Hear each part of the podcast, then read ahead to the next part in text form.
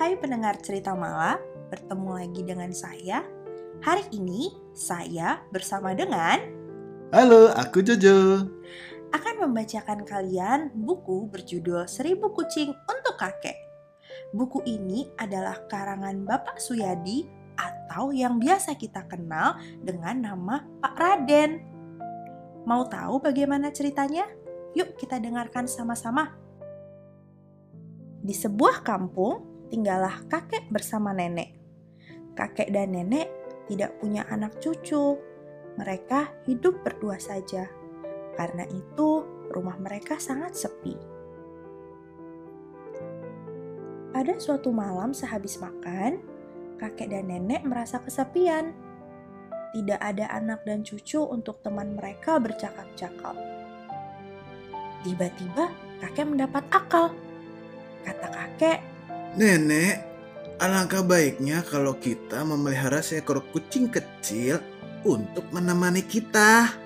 nenek setuju akan usul kakek ini. Baik, kek, kata nenek. Besok kita cari kucing untukmu. Keesokan harinya, pagi-pagi waktu nenek hendak ke pasar, kakek berpesan, Jangan lupa kucing kecil itu ya, Nek. Carikan sampai dapat.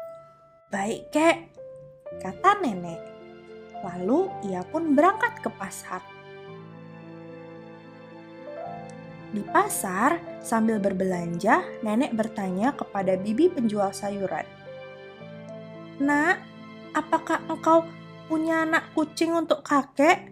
Sekecil ini saja, jangan lebih besar. Tapi sayang, penjual sayuran itu tak punya anak kucing di rumahnya. Nenek pun menghampiri penjual ikan.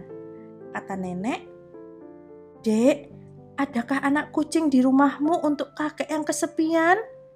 Sekecil ini saja, Dek. Jangan lebih besar. Tapi sayang, penjual ikan tidak punya kucing seekor pun. Nenek mendekati penjual kerupuk. Nak, kata nenek, aku mencari anak kucing untuk kakek.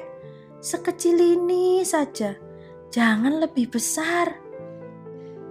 Tapi penjual kerupuk hanya menggelengkan kepalanya. Ia juga tak memiliki kucing di rumahnya. Nenek tak putus asa. Kepada tiap pedagang yang dijumpainya di pasar, ia meminta anak kucing. Tapi malang bagi nenek, tak seorang pun punya anak kucing untuknya. Sementara itu, orang-orang di pasar mendengarkan dengan hati iba. Kasihan, Pikir mereka, kakek tentu kesepian sekali tanpa kucing di rumahnya. Perjalanan pulang, nenek masih sempat mampir ke tukang cukur di bawah pohon asam untuk minta anak kucing. Si tukang cukur pun tak punya anak kucing. Kepada abang penjual bilik bambu, nenek juga meminta. Juga tak berhasil. Di rumah, kakek tidak tinggal diam. Sambil bekerja di kebun, ia bertanya kepada penjual mainan yang lewat. Kau punya anak kucing untukku sekecil ini saja ya, Dek. Jangan terlalu besar. Tapi seekor kucing pun tak ada di rumah penjual mainan itu. Kebetulan Pak Haji juga lewat, Oh, Pak Haji, kata kakek. bisakah menolong aku? Aku perlu anak kucing. Sekecil ini, Pak Haji. Jangan besar-besar. Tapi Pak Haji tak tahu dari mana ia bisa mendapatkan anak kucing itu. Begitulah kepada tiap orang yang lewat, baik si pedagang tahu goreng maupun ibu penjual jamu. Kakek minta anak kucing, tapi tak seorang pun yang dapat memberikannya. Nenek pulang dengan tangan hampa. Begitu pula kakek. tak berhasil mendapatkan kucing idamannya. Malamnya, mereka tidur dengan gelisah. Pagi-pagi sekali, ayam jantan berkokok. Kukuruyuk! Pagi telah tiba. Sudah waktunya untuk bangun. Neneklah yang bangun lebih dahulu. Ia terbangun karena mendengar suara di luar rumah. Hah, betulkah? Apakah ia tidak salah dengar? Segera dibangunkannya kakek. Kek, dengar! Ujar nenek. Suara anak kucing mengeong-ngeong. Nenek cepat membuka jendela. Betul, seekor anak kucing, kecil mungil, hitam, berdada putih, duduk di atas pagar. Siapa yang menaruhnya di situ? Oke, lihat, seru nenek kegirangan.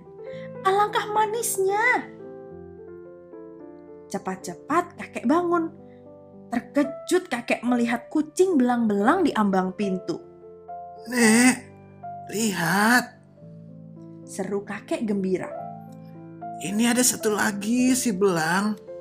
Tapi sementara itu nenek menemukan kucing lain di kebun. Kek, ada lagi, kata nenek. Lihat ini, hitam mulus, Wah, tambah lagi. kata kakek tiba-tiba. Ini yang tutul-tutul. Suara ngeong makin ramai.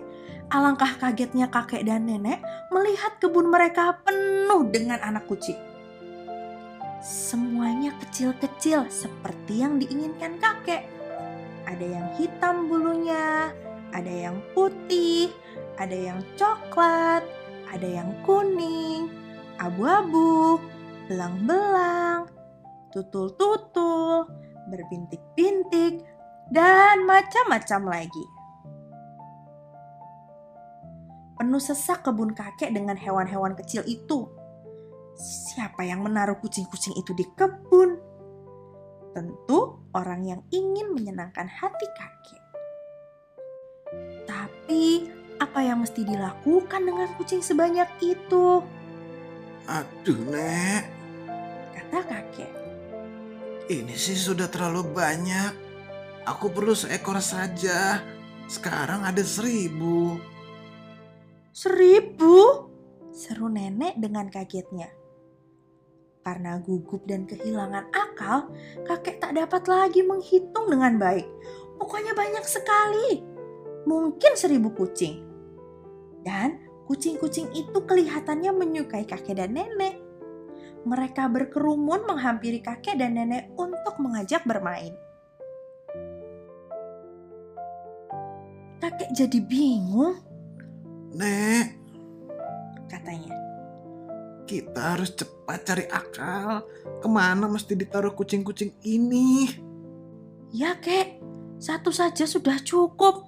Seribu kucing terlalu banyak. Untunglah kakek segera mendapat akal. Ah, Nek, tunggulah aku di rumah ya. Kata kakek, Aku segera kembali. ke mana kek? Tanya nenek. Tapi kakek sudah berlari keluar rumah meninggalkan nenek dan kucing-kucingnya. Kakek pergi ke rumah tukang jahit. Dua penjahit bersaudara waktu itu masih tidur nyenyak ketika kakek tiba. Kakek segera membangunkan mereka. Cepat. Tolong tuliskan untukku sebuah pengumuman. Waktu mendesak. Aku sendiri tak pandai menulis. Begini bunyi pengumuman itu. Dengar. Kedua kakak beradik itu menurut. Yang tertua pun menulis pengumuman yang diminta kakek di atas sehelai kertas. Sedangkan adiknya yang akan pergi menempelkan pengumuman itu. Setelah pengumuman itu selesai ditulis, kemudian adiknya menempelkan kertas pengumuman itu pada sebatang pohon yang besar. Pohon itu letaknya tepat di depan pintu halaman sekolah dasar di kampung itu. Gerangan isi pengumuman itu? Hari ini, sesudah sekolah, ada perlombaan makan kue dengan hadiah-hadiah menarik di rumah kakek. Ya, kakek akan mengadakan perlombaan makan kue. Tentu banyak kuenya. Dari mana uang-uang untuk memasak kue itu? Nenek tak kurang akal. Celengan pun dipecah. Uang celengan itu cukup untuk membuat kue sebanyak yang diperlukan. Nenek cepat minta tolong kepada perempuan tetangga dan anaknya untuk berbelanja ke pasar dan membuat kue. Lihat betapa sibuknya mereka di dapur. Bertumpuk-tumpuk kue serabi dibuat untuk perlombaan nanti. Teng teng teng teng teng teng. Sudah waktunya murid-murid pulang sekolah. Di depan pintu halaman sekolah, anak-anak tertegun membaca pengumuman kakek yang ditempel di pohon. Perlombaan makan kue sesudah sekolah. Cepat kawan, jangan kehabisan. Seru anak-anak itu dengan riangnya. Maka ramailah anak-anak itu berbondong-bondong menuju rumah kakek. Sebentar saja, halaman rumah kakek penuh sesak oleh anak-anak yang pulang sekolah. Mereka semua ingin ikut perlombaan makan kue. Menang atau kalah bukan soal. Pokoknya kita boleh makan kue banyak-banyak. Begitu pikir anak-anak itu. Dua penjahit bersaudara pun ikut mengatur perlombaan. Kue serabi bertumpuk-tumpuk telah dihidangkan. Segera perlombaan dimulai. Kung. Canang di Palu tandanya perlombaan dimulai. Oh, puluhan. Ya mungkin ratusan atau ribuan kue serabi licin tandas dimakan oleh anak-anak itu. Sorak-sorai tiada henti menambah ramai perlombaan itu. Perlombaan berakhir. Siapakah pemenangnya? Ternyata si gendut yang paling banyak menghabiskan kue. Ia mendapat hadiah pertama. Kakek memberinya hadiah anak kucing yang gemuk. Yang paling gemuk di antara semua kucing-kucing kakek. Tibalah kepada pemberian hadiah kedua. Hadiahnya pun anak kucing. Dan hadiah ketiga juga anak kucing. Hadiah keempat juga anak kucing. Kelima juga anak kucing. Dan seterusnya. Keenam, ketujuh, kedelapan, kesembilan, kesepuluh, sampai hadiah terakhir semua hadiahnya kucing. Sedangkan yang tidak menang pun mendapat hadiah hiburan hadiah hiburannya juga kucing.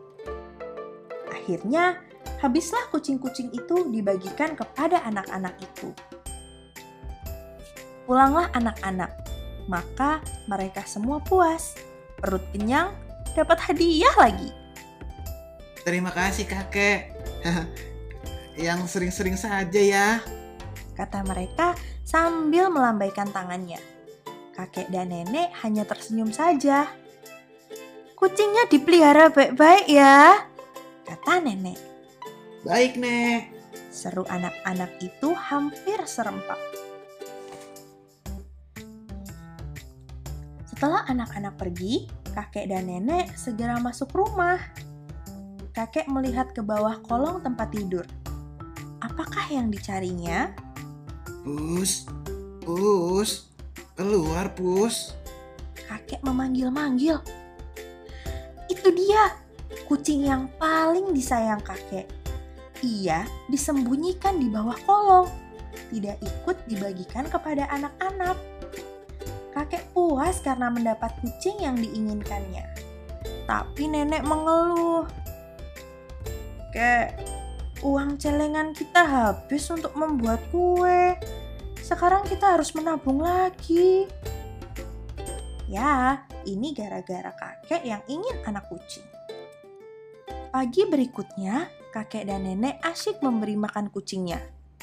Mereka terkejut mendengar suara anak-anak di luar pagar. Selamat pagi, Nenek. Selamat pagi, Kakek. Kapan ada lagi perlombaan makan kue, Nek? Murid-murid yang berangkat sekolah menyapa kakek dan nenek. Makin lama, makin banyak anak sekolah yang lewat. Mereka semua menyapa kakek dan nenek. Dengan riang, mereka melambaikan tangannya. Kakek dan nenek membalas salam mereka. Maka, mulai saat itu, tiap hari anak-anak yang berangkat sekolah tak lupa memberi salam kepada kakek dan nenek mereka sekarang telah menjadi sahabat baik. Dan pada hari libur, anak-anak sering datang ke rumah kakek dan nenek. Anak-anak senang mendengar kakek mendongeng. Sambil memangku kucing kesayangannya, kakek mendongengkan cerita yang bagus-bagus. Nenek pun sudah melupakan uang celengannya. Sebagai gantinya, ia telah mendapat teman-teman cilik yang baik hati.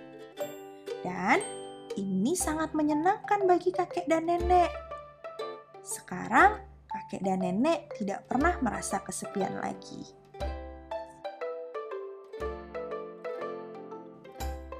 Begitulah cerita berjudul Seribu Kucing untuk Kakek.